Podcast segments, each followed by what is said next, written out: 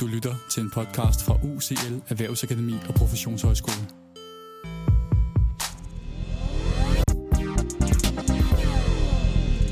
Velkommen til Shortpods, programmet, der giver dig en pædagogisk relevant teori eller metode på cirka 5 minutter. Lad os komme i gang. Mit navn er Jonas Bjørn Rosenlund, og jeg vil introducere dig til begreberne kategorisering og intersektionalitet. I løbet af de næste 5 minutter vil jeg komme ind på, hvad intersektionalitet er for en størrelse, hvad det har med kategoriseringer at gøre, og hvorfor det er vigtigt at have viden om i pædagogisk praksis. Kategoriseringer kan forstås som de sproglige og symbolske differentieringsformer, vi mennesker bruger til at forstå og skabe orden i en ellers kompleks verden. Kategoriseringer kan dermed ses som en mekanisme, vi anvender til at forstå den sociale verden, vi er en del af. Dermed er kategoriseringer i et sociologisk perspektiv med til at skabe sammenhængskraft i et samfund. Kategoriseringer kan i midlertid føre til stereotyper og stigmatisering, men mere om det senere. Typiske eksempler på måder at kategorisere på kan være efter køn, alder, social klasse, etnicitet, seksuel orientering og meget mere. Med det følger, at kategoriseringer også har kommunikative funktioner, da de kan gøre det lettere at tydeliggøre, hvem og hvad man taler om. En måde at gøre de kommunikative funktioner tydelige kan være at forsøge at beskrive sig selv uden at anvende kategoriseringer. Det vil formentlig være en udfordring. Kategoriseringer kan have stor indflydelse på, hvordan omverdenen forstår og tolker et individ, og som resultat, hvilke forventninger omverdenen har til, hvordan individet agerer. Dermed har de sociale kategorier, som omgiver et individ, også en stor indflydelse på identitetsdannelse og socialisering, og er ofte med til at forme de identitetsmarkører, mennesker forstår sig selv gennem. Der, hvor problematikken kan opstå, er, hvis den enkelte sociale kategori bruges som forklaring på en bestemt adfærd, hvilket vil være at give afkald på en helhedsorienteret forståelse af mennesket. Et eksempel kan være barnet, der har svært ved at sidde stille, når der bliver spist madpakker. Hvis forklaringen kun findes i eksempelvis, han er en dreng, så han har krudt i røven, gives der gennem en stereotyp forståelse af kategorien dreng afkald på, at der kan være andre forklaringer. Konsekvensen kan være, at en del af drengens identitet kan gå tabt og omformes gennem den voksnes begrænsede blik på ham. Dermed kan enkelte kategoriseringer have en stor betydning for både, hvordan omverdenen opfatter et individ, hvordan individet opfatter sig selv, og hvilke tilgængelige positioner opfattelsen af individet skaber. Nu håber jeg, at du som lytter har fået en grundlæggende forståelse af nogle af årsagerne til, at vi mennesker kategoriserer, og hvilke konsekvenser det kan have.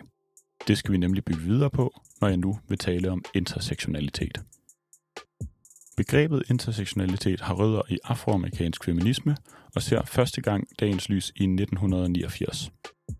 Ophavspersonen er Kimberly Crenshaw, som er optaget af at beskrive den måde multiple former for ulighed eller sociale ulemper akkumulerer og influerer hinanden med et særligt fokus på køn og etnicitet. Begrebet har efterfølgende haft stor indflydelse på blandt andet kønsforskning, både i Danmark og internationalt. Intersektionalitet kommer af det engelske ord intersection og kan direkte oversættes til vejkryds. Hvis vi bliver ved billedet af et vejkryds, kan vi se de veje, der krydser hinanden som forskellige kategoriseringer. Pointen er her, at når sociale kategorier krydser hinanden, sker en forskelsætning eller en ny betydningsdannelse, som ikke eksisterede i forbindelse med kategoriseringerne set hver for sig. Noget ændrer sig dermed i vores forståelse og tolkning af et andet menneske, når vi i overført betydning ordner mennesker efter flere kategorier på én gang. Lad mig komme med et eksempel, som jeg har lånt fra Mimi Petersens kapitel om kategoriseringer fra bogen Lige Muligheder.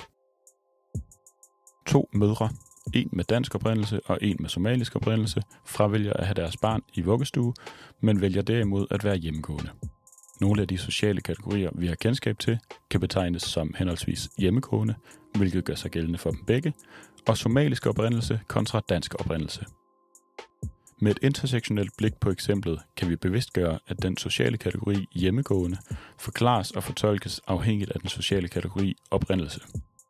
Petersen pointerer her, at vi i mange tilfælde vil forklare, hvorfor moren med dansk oprindelse vælger at være hjemmegående gennem en særlig forestilling om moderrollen og et ressourcemæssigt overskud, og at vi modsat vil forklare, at den somaliske mor er hjemmegående som et udtryk for en særlig kultur. Med intersektionalitet forstås altså, at specifikke kategoriseringer opfattes og forklares vidt forskelligt, når de relateres til andre kategoriseringer. Dermed øges kompleksiteten i min pointe fra tidligere og medfører, at det ikke blot er enkelte kategoriseringer, men også kategoriseringernes indbyrdes påvirkning, der har indflydelse på både individers identitetsdannelse og de tilgængelige positioner. Eksemplet med de to mødre ville utvivlsomt få andre forklaringer, hvis flere sociale kategorier blev tilføjet til vejkrydset, og dermed vil den måde, vi socialt positionerer de to mødre, også påvirkes af, hvor meget tilgængelig information om mødrene vi har til rådighed til at kategorisere. Til videre refleksion vil jeg opfordre dig som lytter til at tænke over, hvor tit du oplever, at kategoriseringer har en indflydelse på dine egne, dine studiekammeraters, dine kollegaers eller børn, unge eller borgere på din arbejdspladses handlinger. Vi gør nemlig ikke altid bare det, vi helst vil. Vi påvirkes i høj grad af kategoriseringer og den intersektionalitet, der opstår, når kategoriseringer krydser hinanden. Det var en kort introduktion til kategoriseringer og intersektionalitet.